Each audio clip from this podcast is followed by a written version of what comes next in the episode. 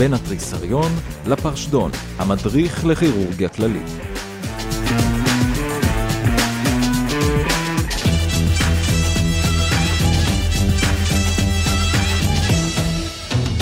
שלום למאזינים, אנחנו חוזרים אחרי uh, פגרת קורונה קצרה עם שינויים וחידושים. אז קודם כל, uh, תודה לכל מי ששלח תגובות והצעות, אנחנו תמיד שמחים לקבל פידבק. אז uh, תרגישו חופשיים לפנות אלינו דרך האימייל שנמצא באתר שלנו, או ישירות לטלפון של דוקטור קורדובה בכל שעה, בכל יום, 050-293. אנחנו רוצים אה, להתחיל סדרה של פרקים שהתמקדו בניתוחים הקלאסיים של כירורגיה כללית. המטרה פה היא לתמצת את השלבים העיקריים, כדי שאתם תרגישו בנוח לפני שאתם נכנסים לחדר ניתוח. אנחנו זוכרים איך לפני כל ניתוח, בפעם הראשונה היינו מחפשים ביוטיוב סרטונים אה, ומאבדים את עצמנו בין כל המידע שקיים, ולכן אנחנו מקווים שהפרקים האלו יעזרו לכם להתכונן טוב יותר בניתוח הראשון שתשתתפו בו. האזנה נעימה.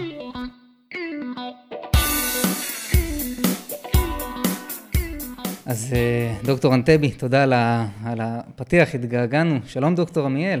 מה נשמע מוטי? בסדר, מה, מה שלומך? הרבה זמן לא, הרבה זמן לא הקלטנו. כן, הגיע הזמן לחזור. הגיע הזמן. ותראה, ואחרי כל הזמן הזה, אנחנו מוצאים את עצמנו שוב בתורנות מיון. וכמו שדיברנו באחד הפרקים הקודמים, מגיע אלינו מטופל עם רייט לואוור, ואנחנו, אה, בדיקה גופנית, ונמנזה וכן הלאה, ואנחנו אה, מקבלים את ההבחנה שיש לבן אדם אקיוט אפנדצייטיס. Mm-hmm. וכמו שאמרנו, הטיפול, אקיוט אפנדצייטיס הוא ניתוח.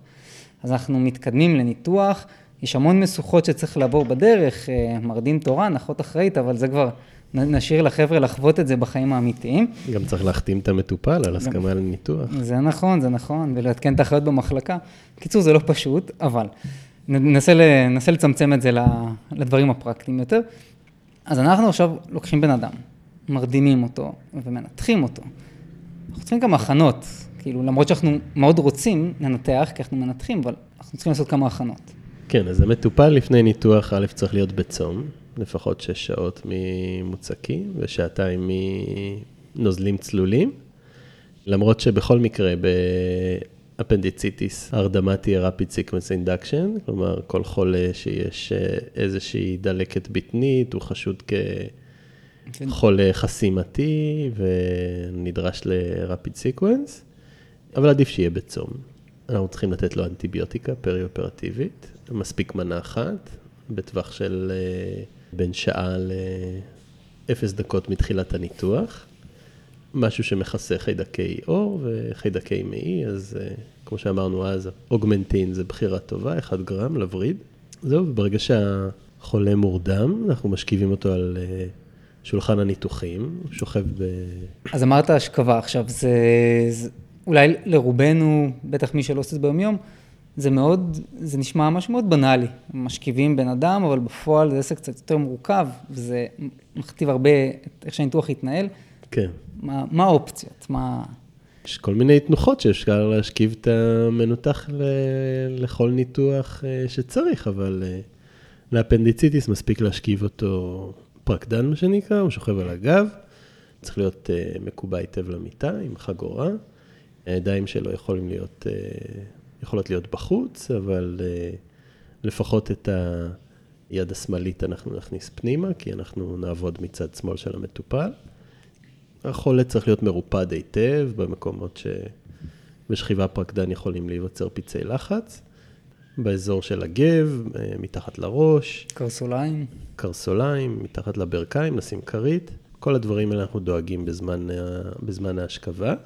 גם צריך לחשוב על uh, דברים נוספים, כמו חימום של המטופל, לכסות אותו בשמיכות חימום, שנקרא ברהגר.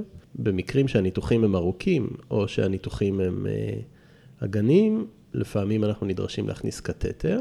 במקרה של אפנדיציטיס מספיק uh, לעשות uh, פיפי לפני הניתוח, זה בדרך כלל מרוקן את השלפוחית, והניתוח לא צפוי לארוך יותר משעה, לכן אפשר לחסוך את זה מהמטופל. עוד בניתוחים ארוכים כדאי uh, להכין איזשהו DVT פרופילקסיס, לתת לחולים uh, קלקסן לפני, 12 שעות לפני הניתוח, ולחבר אותו ל...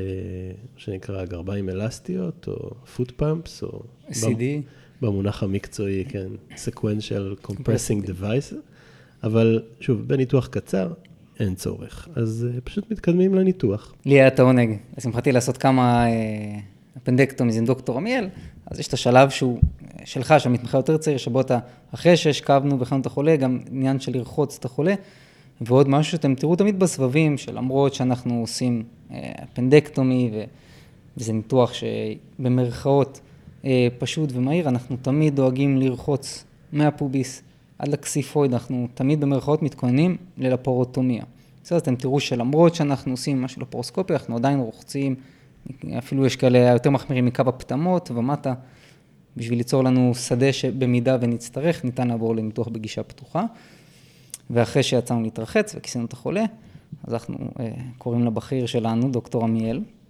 כן, אז אה, מבחינת מה שאנחנו מכינים את החדר, אז אה, אנחנו צריכים מגדל לפרוסקופי, המגדל יעמוד כנגד הצד שאנחנו עומדים בו, אנחנו נעמוד בצד שמאל של המטופל, והמגדל יהיה בצד ימין לכיוון בטן תחתונה, איפה שנמצא הפנדיצית, ואנחנו צריכים אה, ערכת כלים לפרוסקופים.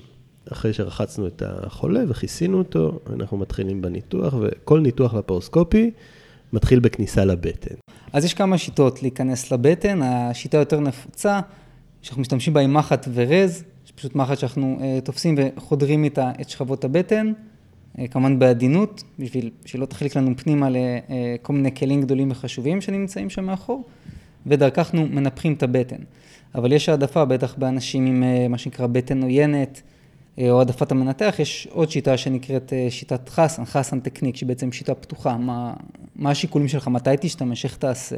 אז קודם כל זה העדפה אישית, יש מנתחים שעובדים רק עם שיטת חסן, כי הם חושבים שהיא יותר בטוחה. מה שאנחנו יודעים ממחקרים זה שאין שוני מבחינת הפגיעה במעי בשתי השיטות. מה שכן יש, אה, המחט ורז שהיא ארוכה יותר יכולה לחדור עמוק יותר מהמעי ולהגיע עד למזו ואפילו לכלי הדם הגדולים, נקרא האורטה לדוגמה. שמעתי אה, על הכלי הזה. אז אה, לפי הסטטיסטיקה, אחד לאלף מקרים יש חדירה לכלי דם גדול עם המחט. אז שוב, זו העדפה של המנתח, אבל באופן כללי באנשים בלי ניתוחי בטן, אני מעדיף להיכנס עם מחט ורז. באנשים שיש להם ניתוחים קודמים בבטן, או שצפויות הידבקויות, אז להיכנס בשיטת חסן. ואיפה אנחנו נכנסים? תמיד נכנסים מתחת לטבור, או שיש מקומות שאתה, נניח מישהו היה לו מידלן לפרוטומי, אתה תיכנס קצת בצד, או שזה... אז יש כל מיני נקודות שאתה יכול להיכנס בהן בבטן, גם אה, עם מחט ורז, אבל באופן עקרוני, באנשים בלי ניתוחים קודמים שבאים לאפנדיציטיס פשוטה, הכניסה תהיה בטבור. אנחנו עושים חתך בתוך הטבור, או ב rim שמסביב לטבור, מפסקים את העור עם איזשהו אה, פיאן. ואת השומן מתחתיו עד שמגיעים ל fascia. ברגע שאנחנו מזהים את ה fascia, אנחנו דוקרים עם המחט ורז. אנחנו כעיקרון, אם אנחנו לא פוגעים בדיוק ב midline, אז אנחנו נשמע שני קליקים, קליק אחד של ה fascia העליונה וקליק אחד של ה fascia התחתונה.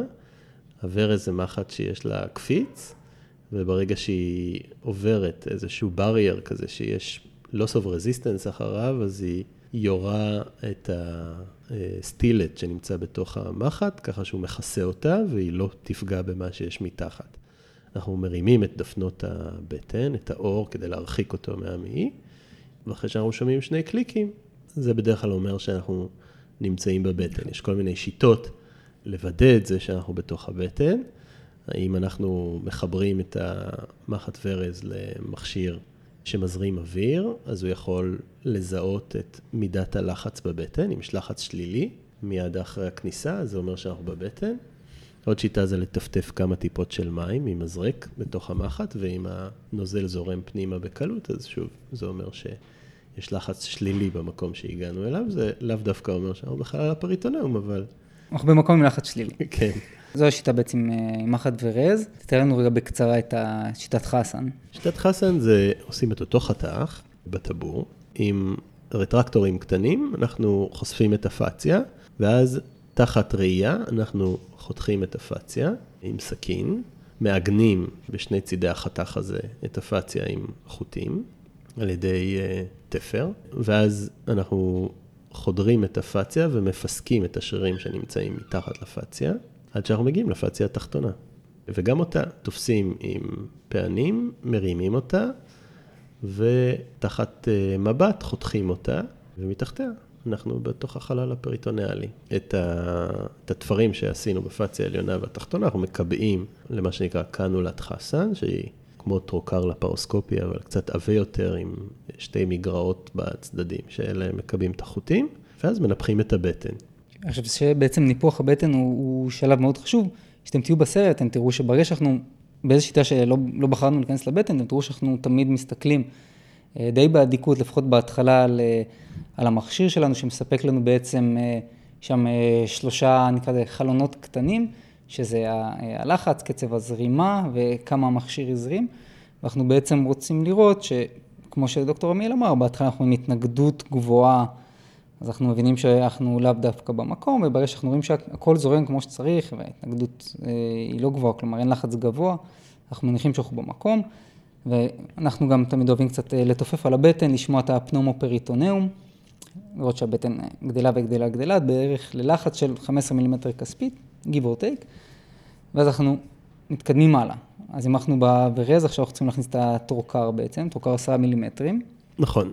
זה לא כל כך משנה איזה טרוקר אנחנו משתמשים, יש כל מיני גדלים, יש בדרך כלל 5 מילימטר ו-10 מילימטר, ואנחנו נדבר על המיקומים השונים והגדלים השונים שאפשר להכניס. כעיקרון, הטרוקר הראשון יהיה בגודל לפחות של האופטיקה שאנחנו מכניסים. יש אופטיקה של חמישה מילימטר ועשרה מילימטר. אם אנחנו משתמשים באופטיקה של חמישה מילימטר, אז אנחנו צריכים להכניס לפחות טרוקר של חמישה מילימטר, ואפשר גם עשרה, ואז אנחנו בעצם נכנסים לחלל הבטן, והשלב הראשון בניתוח זה לזכור את חלל הבטן ולראות ש... מה, מה קורה שם. שלא עשינו סבוטאז', מה שנקרא.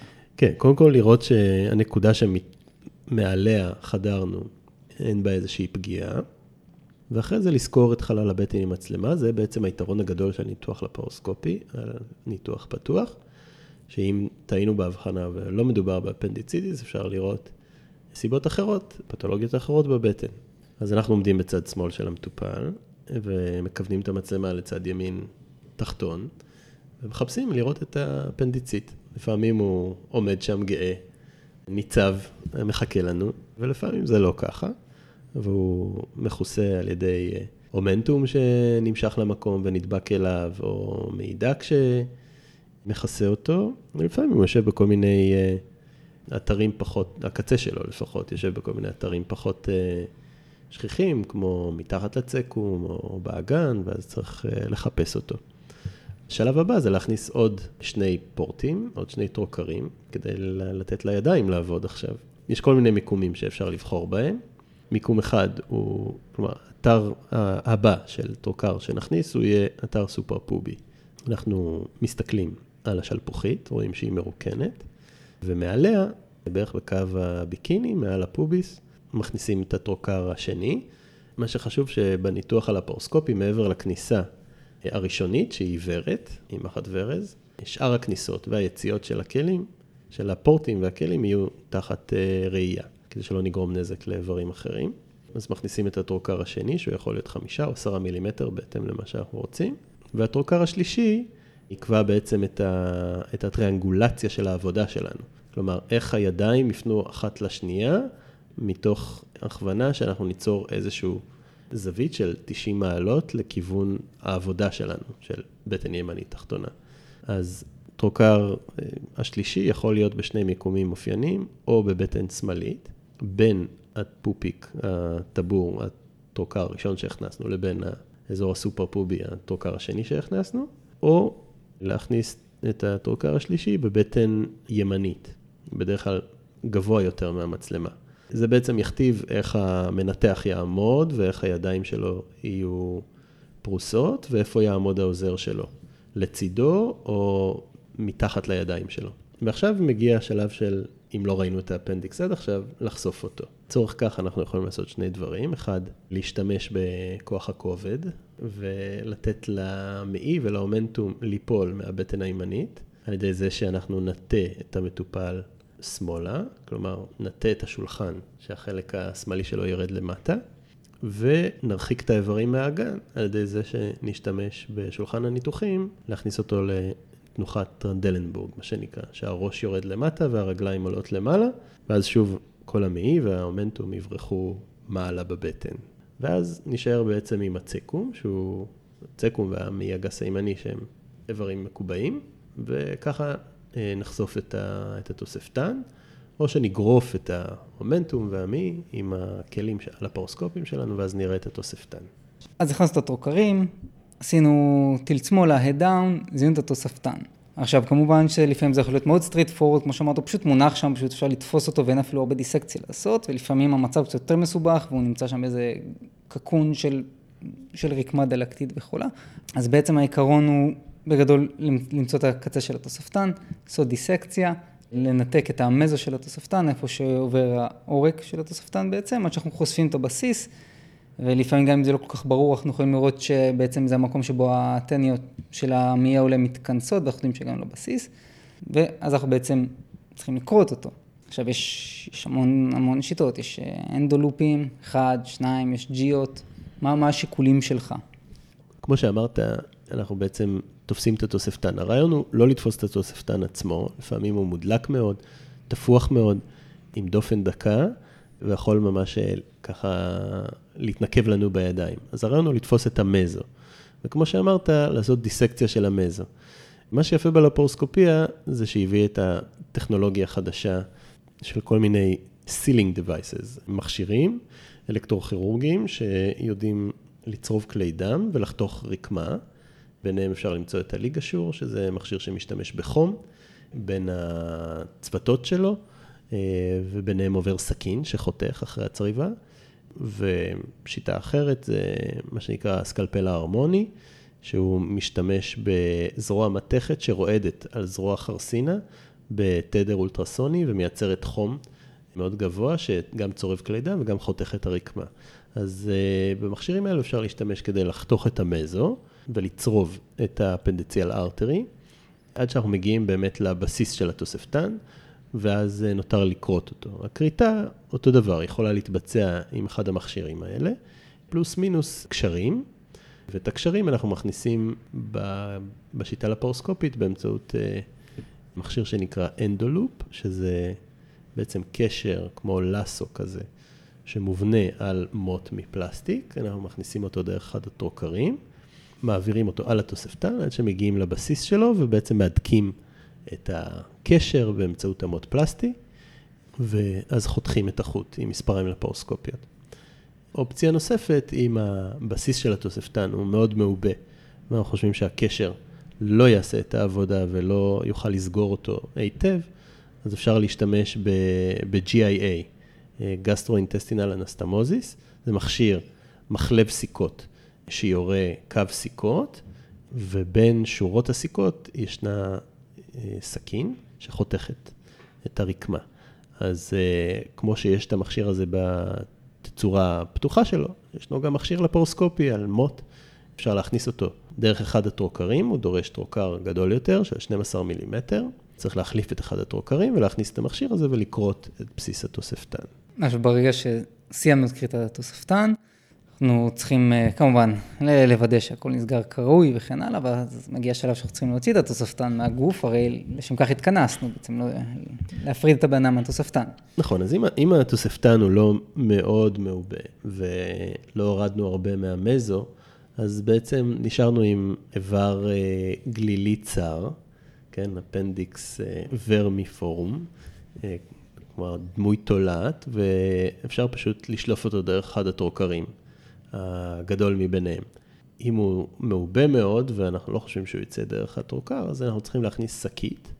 ישנן שקיות לפרוסקופיות, כלומר איזשהו מתקן שעליו מתלבשת השקית, שם מכניסים אותו על זרוע דרך אחד הפתחים.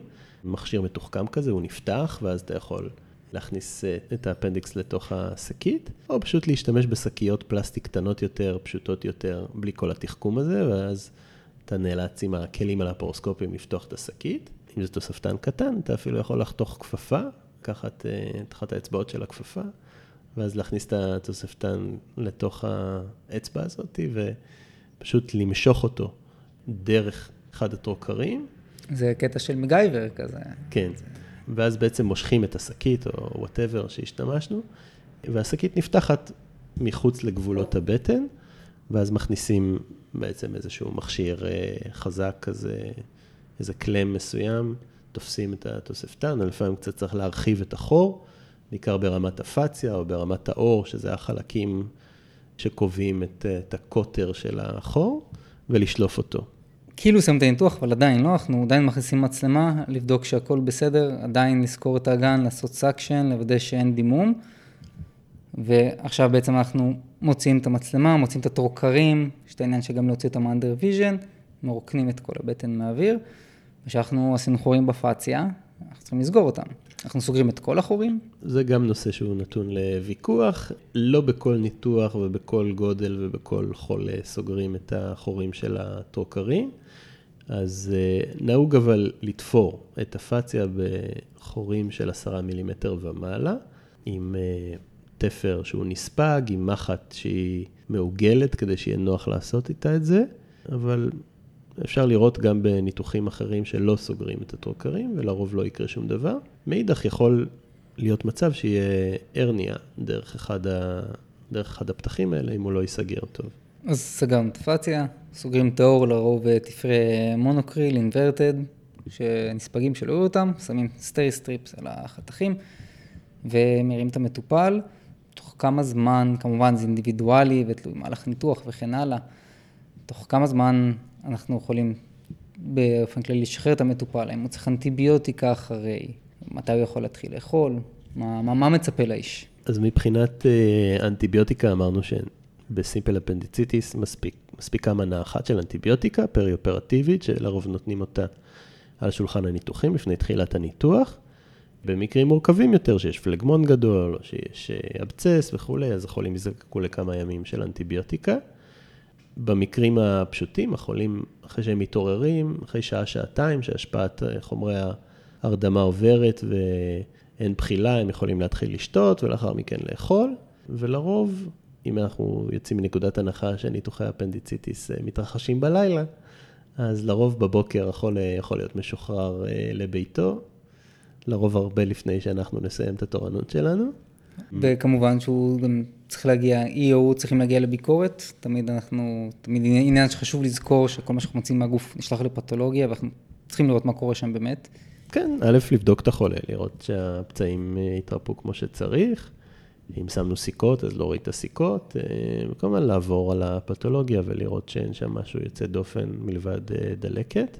בעצם המחקרים החדשים מדברים על חולי appendicitis כחולים אמבולטוריים, כלומר, הם מגיעים למיון, מתקבלים עם האבחנה, הולכים לחדר ניתוח, ולאחר הניתוח בעצם יכולים להשתחרר מההתאוששות לביתם, במקרה שזה simple appendicitis, כי כמו שאמרנו, יכולים לשתות ולאכול מיד לאחר הניתוח, אין צורך במנות נוספות של אנטיביוטיקה ואין איזשהו מעקב מיוחד, פשוט משתחררים לביתם. סתם שאלה, אם אנחנו בניתוח ועשינו את כל המנוברות שדיברנו עליהן בשביל לחשוף את התוספתן, ואנחנו לא רואים אותו, איך אנחנו מתקדמים משם? אז כמו שאמרת בעצמך, אנחנו נחפש את הבסיס של התוספתן על ידי מציאה של ה-convergence of tenia בצקום. אנחנו נלך על הצקום, עד, נעקוב אחרי הטניות עד שנגיע לקונברג'נס, ושם נמצא הבסיס של התוספתן. כמובן שגם פה נכנס ה... נקרא לזה במרכאות הערך המוסף של להסתכל על ההדמיה שלרוב קיימת לפני הניתוח, וזה גם קצת עוזר להבין באיזה מונח יהיה תוספתן.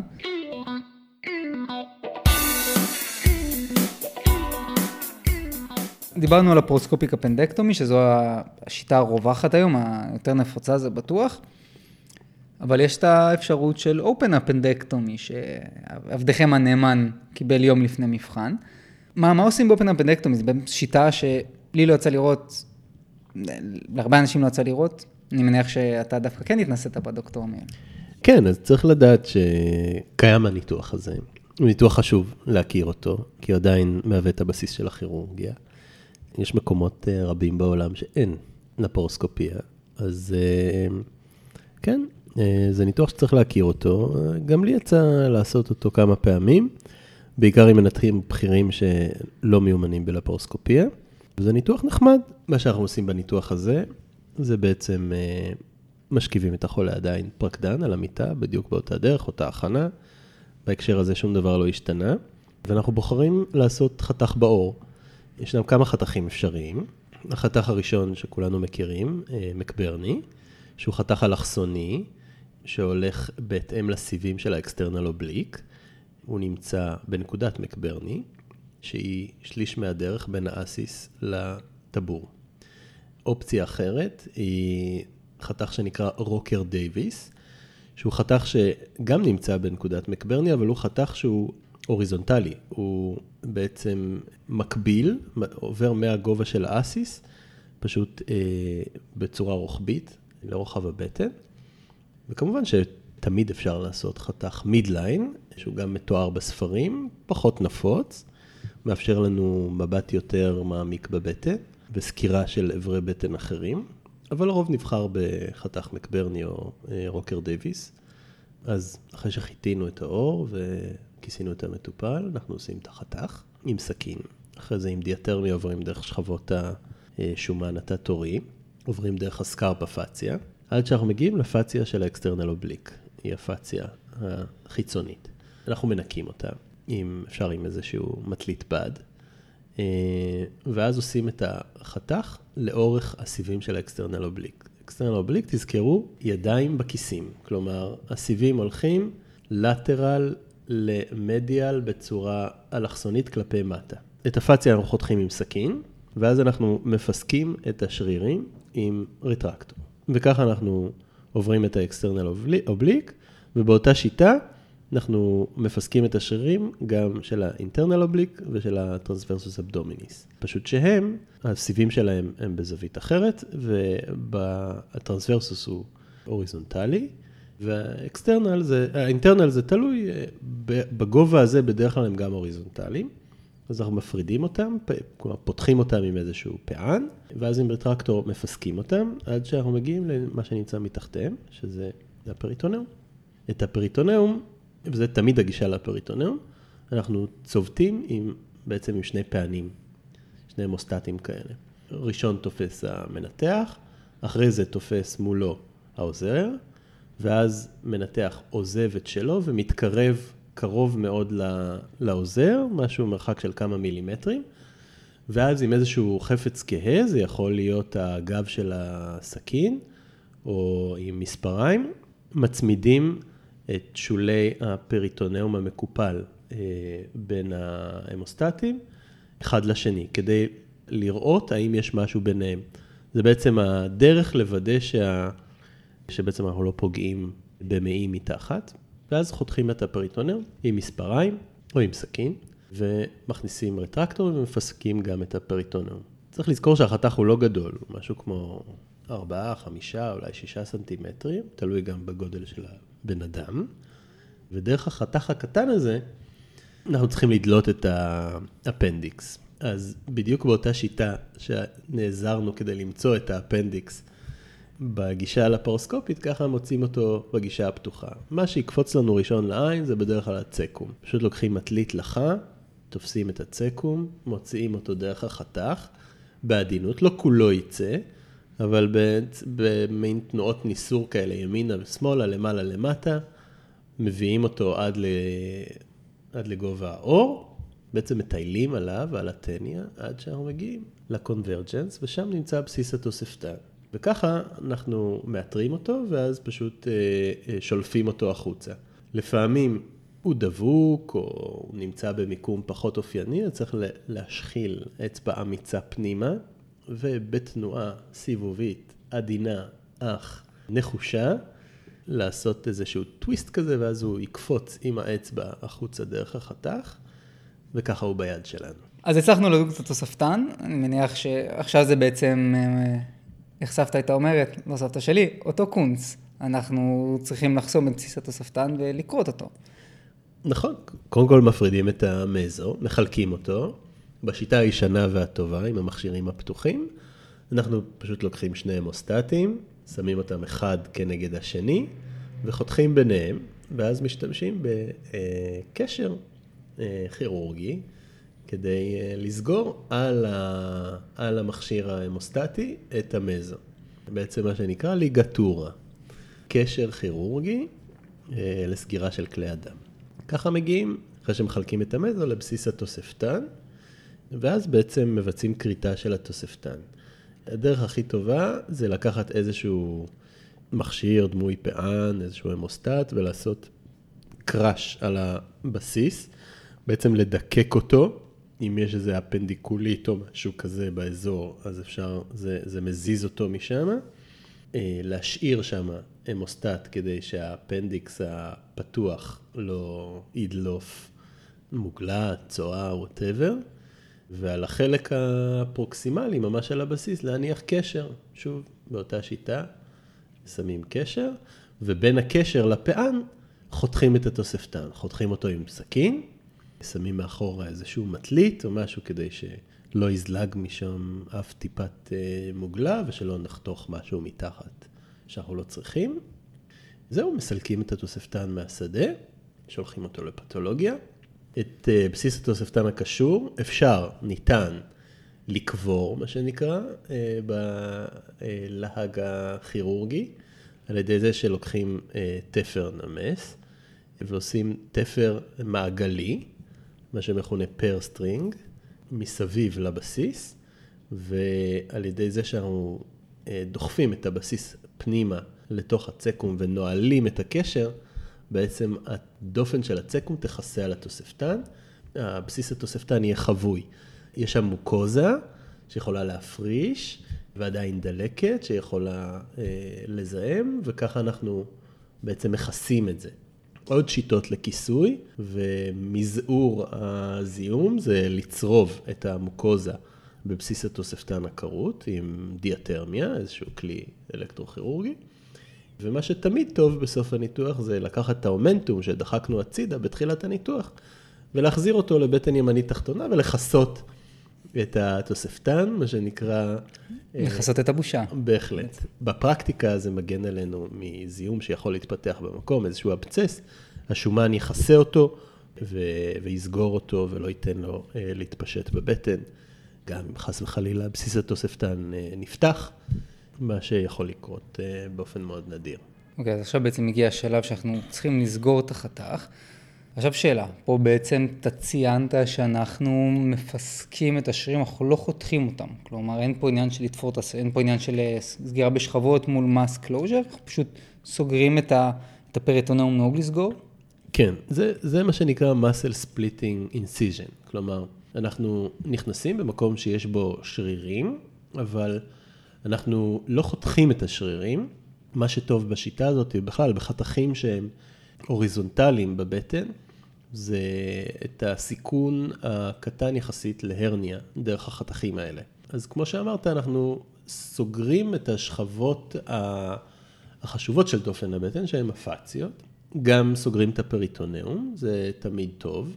את הפריטונאום אפשר לסגור עם איזשהו תפר אה, נמס, אה, רץ, תפר מתמשך. לאחר מכן, את השרירים, אנחנו לא סוגרים דה פקטו, כי אנחנו לא חתכנו אותם, אבל כן אפשר לקחת איזה שהם תפרי קירוב, פשוט לקחת איזשהו ביס גדול בשריר ולשים אה, תפר, מה שנקרא שמינייה, איזה תפר כפול שבסוף סוגרים אותו כמו X, והוא בעצם דואג לקרב את השרירים אה, בחזרה למנח המקורי שלהם. אנחנו לא לוחצים את הקשר הזה חזק מאוד, אה, הוא רק נועד לקירוב. כמובן, דבר חשוב לסגור פה זה את הפאציה. זאת הפאציה החיצונית, הפאציה של ה external oblique, וגם אפשר לתפור אותה פשוט בתפר נמס, מתמשך. לאחר מכן אה, אנחנו תופרים את הסקרפה, בעיקר בילדים ששם אה, הסקרפה היא, יש לה משמעות, היא עבה יותר. במבוגרים אנחנו לא תמיד נראה אותה. ואז תפירה של העור. את העור אפשר לסגור אה, בסיכות, אפשר לתפור בתפר שהוא סאב-קוטני ותפר אסתטי כזה נמס אה, בעור עצמו, אינטרדרמל. צריך לזכור שיש פה חתך פתוח, ואנחנו פתחנו מעיים בניתוח הזה, וזה ניתוח שהוא יותר נוטה לזיהומים, בטח יותר מהמקבילה לפרוסקופית שדיברנו עליה מקודם. זה בעצם, הייתי אומר שזה ההבדל הגדול היחיד בין שני הניתוחים. אם היית שואל מנתחים עתיקים, אז היית שומע על כל מיני delayed closures, אה, שמשאירים את החתך פתוח, עם איזשהו פט גזה, מכינים את התפרים וסוגרים אותם כעבור יומיים. אחוז הזיהומים הוא לא גבוה, אני לא חושב שהוא מצריך אה, delayed closure, והוא גם לא מצריך אה, תפרים בודדים באור או סיכות, אבל זה כן נהוג יותר. יש משהו שהוא שונה בהתנהלות עם המטופלים האלו? אחרי ניתוח שעברו אופן אפנדקטומי? מבחינת אה, אוכל אנטיביוטיקה? אז כעיקרון לא. אה, גם החולים האלה יכולים להתחיל לשתות אה, כמה שעות לאחר הניתוח ולאכול בבוקר למחרת. החולים האלה קמים מהמיטה ויכולים להשתחרר גם באותו היום. כמובן שכואב להם יותר מעצם החתך, והחזרה שלהם לשגרה אולי תהיה איטית יותר, אבל אין איזשהו הבדל, זה, זה כלומר, זה לא ניתוח לפרוטומי ענק, זה עדיין חתך קטן בבטן ימנית תחתונה. מה שקובע את ה...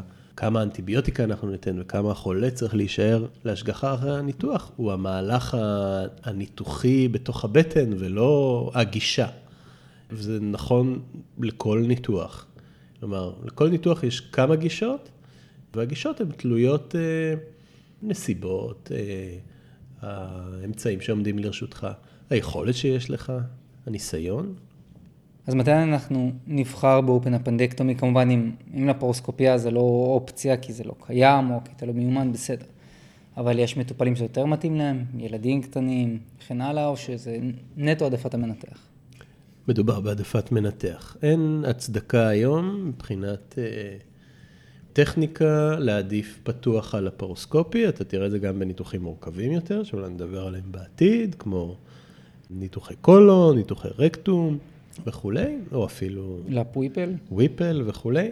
זה גם נכון לגבי הפנדקטומי. בעצם, אם אתה בטוח ביכולות שלך ויש לך את האמצעים, אז אין סיבה לא להעדיף לפרוסקופיק הפנדקטומי, למרות שיש אנשים שעדיין מצדדים בניתוח הזה, וחושבים שחשוב לדעת אותו. חשוב שתהיה המיומנות הזאתי. וגם אני, כשעבדתי עם מנתחים מסוימים, אז uh, יצא לי להתנסות בניתוח הזה, למרות שכל היכולות וכל האמצעים עמדו לרשותנו.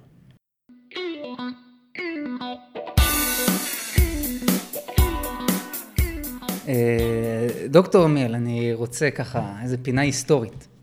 ורז, יש איתו משהו מעניין, נכון? ורז ממחט ורז. נכון, אז אה, ורז בכלל היה פנימאי, הונגרי. אוי ואבוי. הוא בשנת 1932 אה, המציא את המחט המפורסמת שלו, שבכלל נועדה לנקב את החלל הפלאורלי.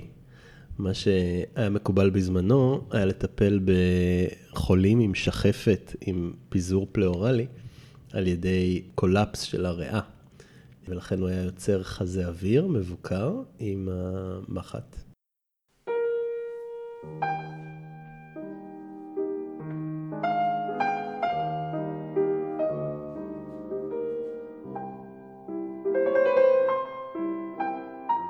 סיפור מעולה, אה, ומביא אותנו באסוציאציה חופשית לפרדריק שופן, שאנחנו מאזינים לו ברקע.